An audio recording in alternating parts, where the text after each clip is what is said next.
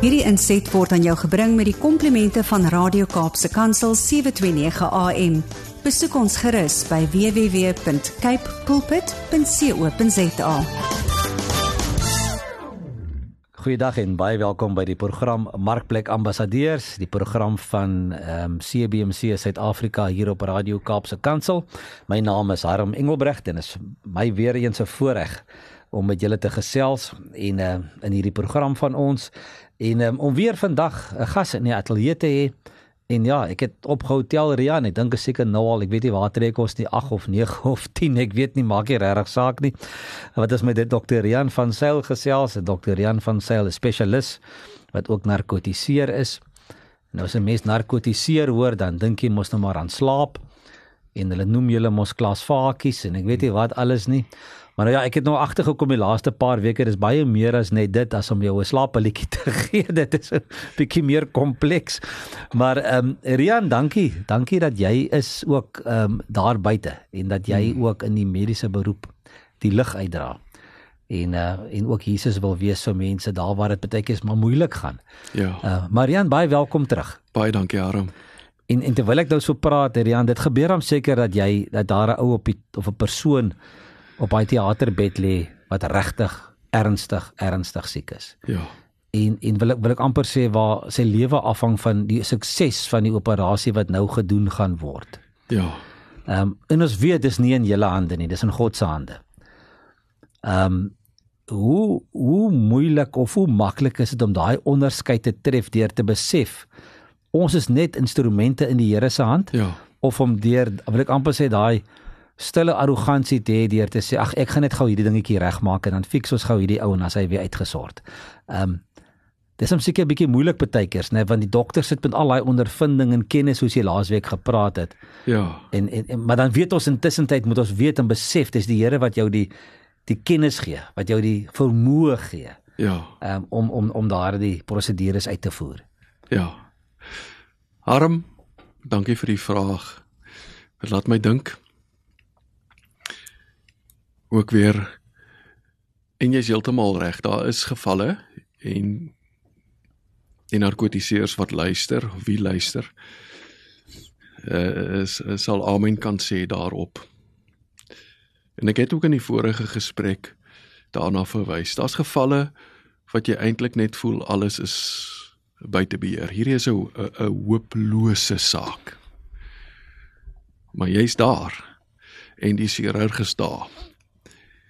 En ons het sulke dingetjies wat ons na kyk om eintlik vir ons te laat weet hoe hopeloos dit is. En ons kyk soos baie dokters na bloedtoetse en daar is sekere dinge wat ons in die bloed kan lees.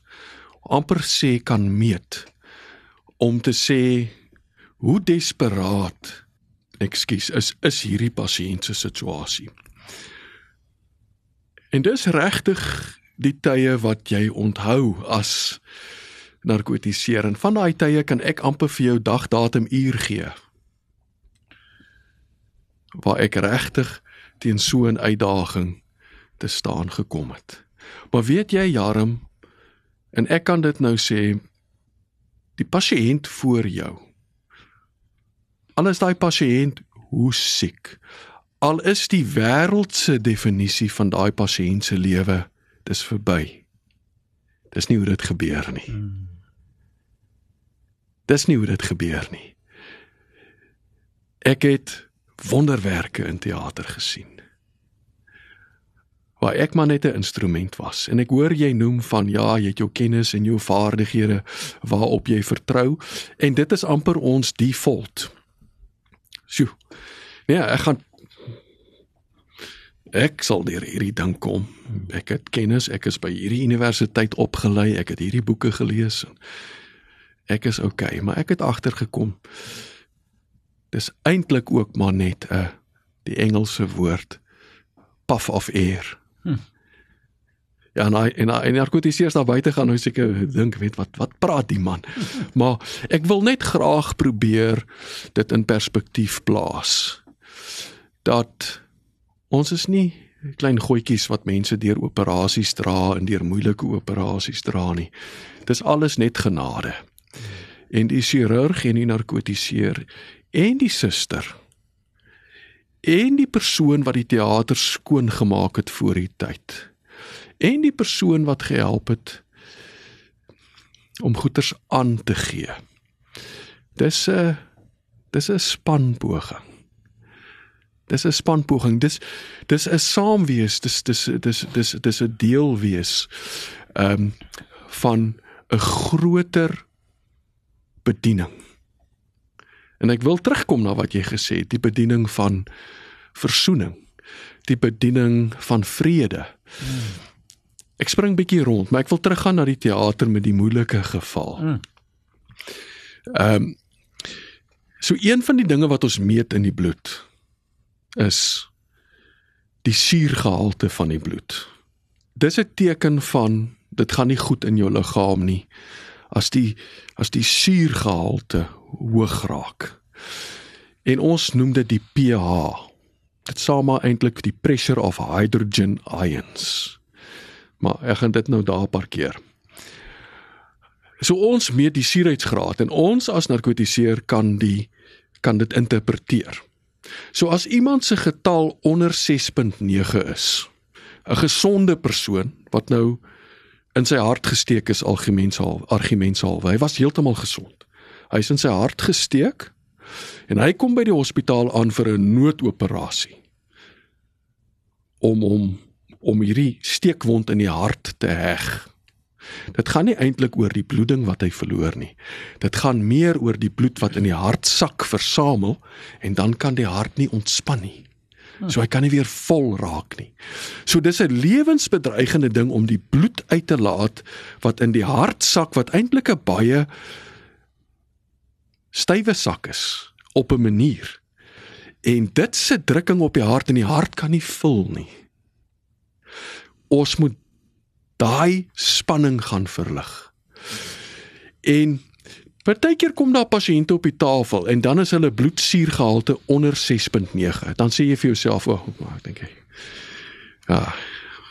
Al hierdie boekkennis van my, al my vaardighede, alles hierdie ou gaan ons nie red nie." En Harm, so seker soos ek hier sit, as van daai manne wat deurgaan om hulle storie te vertel. En daai's van daai manne met 'n suurgehalte wat bokant 6.9 is of bokant 7 of bokant 7.1 wat dit nie maak nie.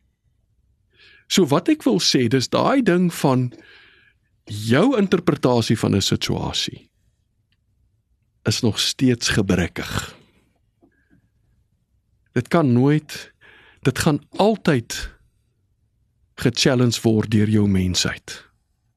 Sjoe, ehm um, dankie. Maar maar, maar dit dit bring dit mes terug na die punt Rian waar waar waar waar's almal moet wees en dit is om te besef dat God in beheer is. Ja. Dit maak nie saak wat jy weet en wat die omstandighede sê en wat die uitslae sê nie. Ja. Op die einde is God soewerein en hy is in beheer en hy sal besluit oor wat gebeur met daardie persoon. Ja. Jy kan doen wat jy wil of dit ja. of jy nou jou beste gedoen het of nie en of jy nog gedink het hier het ons hom. Ja. Is dit is dit die Here se wil is om my persoon te vat dan vat hy hom. Ja. Ehm um, en dit is dalk 'n ding wat wat ons nog nooit oor gepraat het nie, wat ons ek graag oor wil praat nie. Ja.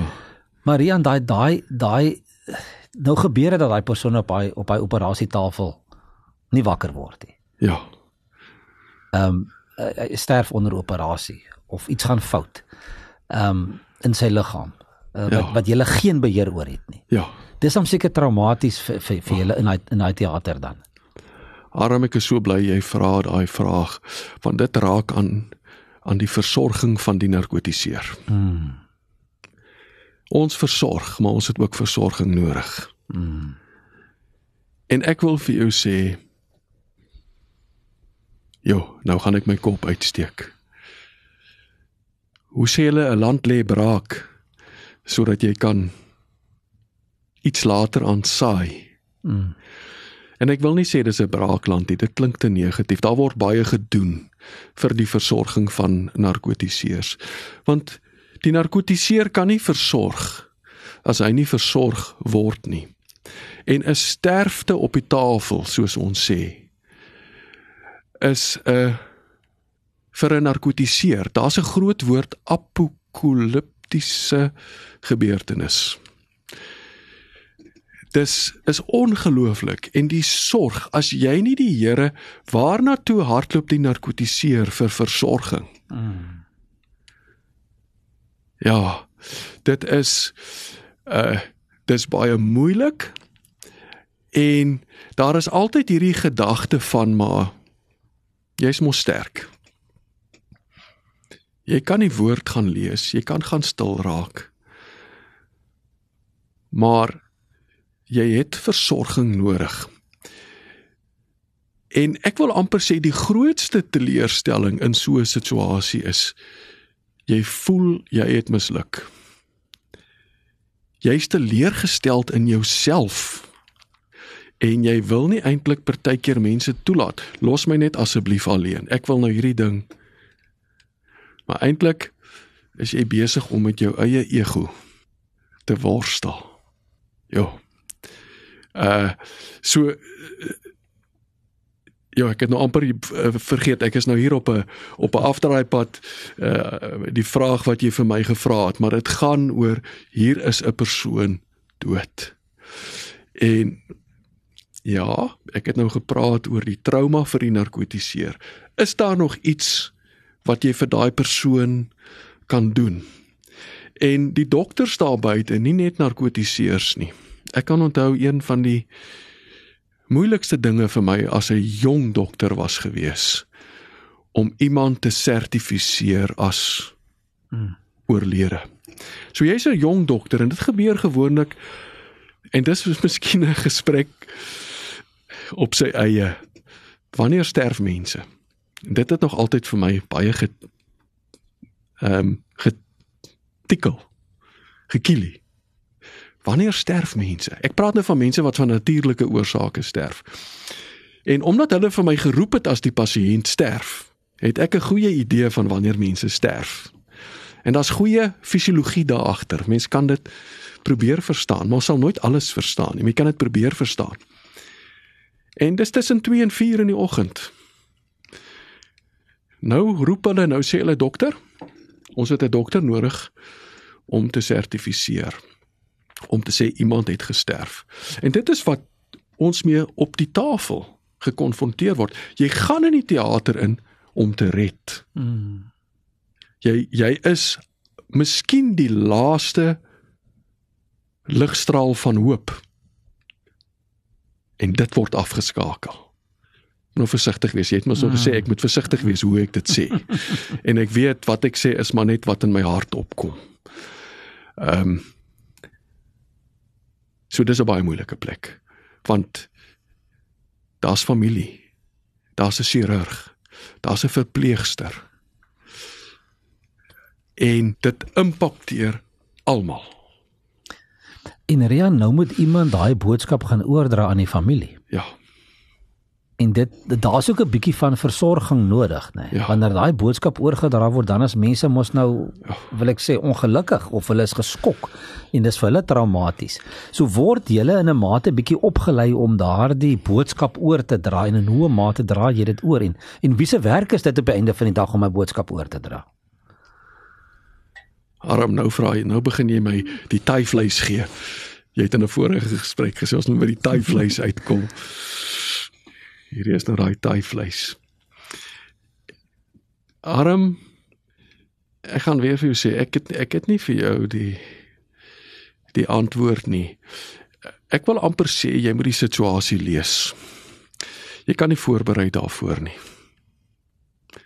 Dit kom weer vir my daarna toe terug wees wees 'n instrument. Hulle probeer by die mediese skole scenario's skep en hulle gee aandag daaraan. Maar as jy die dag in daai situasie kom, mm. dan is daai goeters partykeer eers in jou agterkop. Soos ons file mos goeters en daar's 'n bietjie stof op die file. Mm. En jy moet hom eers gaan soek en die ouer raak dan raak dit baie keer moeilik om by die files uit te kom. Maar die die oomblik is daar. Die nou is daar. En Jesus is daar. Mm. En ek het net al baie keer gesien is is gee vir Jesus kans om te praat, om leiding te gee. Ehm um, om net oor te neem. En dan kry jy die antwoorde. So ek wil nie sê dis 'n spesifieke persoon se taak nie. Die eerste wat moet gebeur voordat jy met familie moet gesels is die mense wat betrokke was by daardie traumatiese ervaring moet eers vir mekaar sê dis hoe ek voel. Dis e-, dis wat eers moet gebeur. Daai mediese span daar binne. En die woord is debriefing, die Engelse hmm. woord. Wat sal die Afrikaanse woord wees, Aram? Debriefing? Ja, dis maar amper soos 'n soort van om bietjie met mekaar te gesels. Wat het nou hier gebeur? Jy weet wat het hier gebeur? Ja, ja. Want jy's eintlik baie keer verward. Mm, mm. En deur te vinnig met die familie te gaan praat. En jy het nog nie vrede in jou hart oor wat hier gebeur het nie. Dink ek kan jy miskien die ding nie doen reg doen nie. Want want die familie soek natuurlik 'n antwoord. Wat het gebeur? Ja. So julle moet eers onder mekaar ook wil ek amper sê konsensus kry oor wat het nou hier regtig gebeur hierso. En verstaan want ja, ja. want jy bly mens en jy het voorheen daarna verwys. Jy bly mm. mens en jy word gechallenge. Mm. En egos is 'n groot ding. Ek het gepraat oor hierdie egoïstiese mm. mm. wentelbaan. Mm. En die eerste ding wat amper uitkom is ek wil myself uit hierdie situasie uithaal. Dis die ekkie. Ja, dis my skuld. Dis Janne ou se skuld. Dis ekkie. Ja. Ehm um, want daar's baie op die spel. Vanuit 'n mm. wêreldse oogpunt, daar's 'n lewe op die spel. Mm. Mm. So ja, daai daar's nog 'n woord check-in. Check-in by mekaar. Ehm mm. um, skakel in by mekaar oor wat nou gebeur het. Is 'n inskakeling. Skakel in by mekaar. En dan kom die antwoord, dan sal daar iemand half spontaan sê ek sal met die familie gaan praat.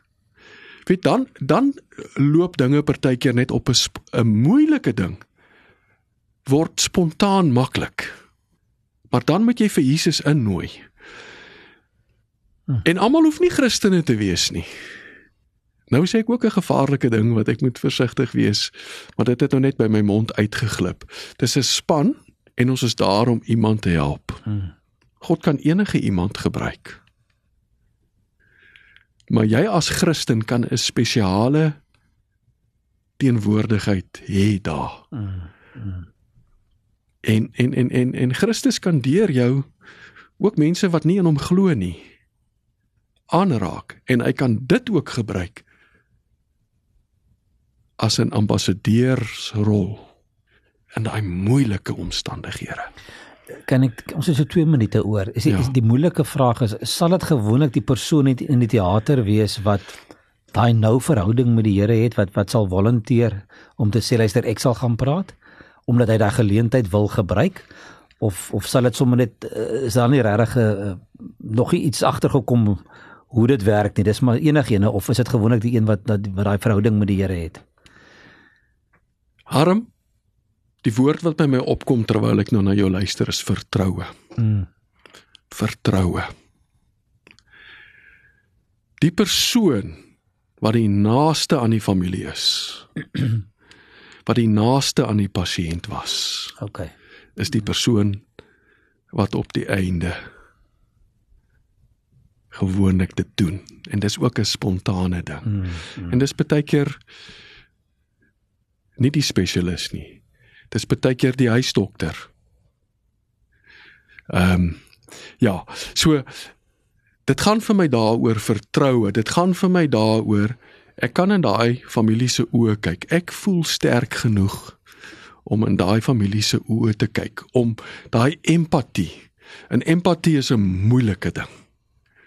Ek het altyd gedog simpatie is 'n moeilike ding want ek kan nie huil nie. Ek sukkel om te huil. So ek kon nie lekker simpatie want ek sien mense wat simpatiseer huil. Ek sukkel daarmee. Empatie is jy huil nie na buite toe nie. Jy huil amper na binne toe vir 'n pasiënt. Hmm. En dis daai persoon wat Jesus kies om met die familie te gaan praat. Hmm. Ja. Rian, baie dankie. Ehm um, dit was 'n bietjie van 'n moeiliker gesprek gewees. Ja. Ehm um, maar ek dink dit is tog goed dat mense daar buite wil weet. Ehm um, ja. Mense wil tog ook in 'n mate gerus gestel word en, ja. en en weet hoe werk dit wat jy binne werk daar binne in die teater. Ja. Maar dankie Rian vir vir wat jy met ons deel en dankie ook vir jou rol wat jy speel. ehm um, daar in die teaters daar buite en dat jy ook Jesus se lig laat skyn. Ehm um, maar ons moet nou eers weer afsluit want die tyd het ons al weer ingehaal. So ons sal maar volgende week maar weer moet terugkom en dan maar nog eenetjie moet gesels. Ja. En ehm um, ja, ek wil nou ek wil nou ek dink ons het dit laasweek gesê, maar ek wil nou 'n slag uitkom by daai omgee. Hoe gee jy om vir mense daar? Maar nou ja, kom ons kom ons groet die mense en ons sê as jy wil luister na nog programme en nog opnames in hierdie reeks met Dr. Jan van Sail, gaan gerus na die webwerf um, van Radio Kaapse Kansel. Gaan na na die programme toe en na die potgoeie en klik op die skakel wat sê ehm um, uh, markplek ambassadeurs.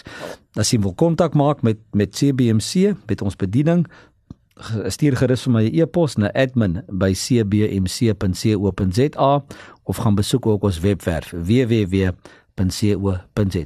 Ek groet julle tot volgende week. Totsiens. Hierdie inset was aan jou gebring met die komplimente van Radio Kaapse Kansel 729 AM. Besoek ons gerus by www.cape pulpit.co.za.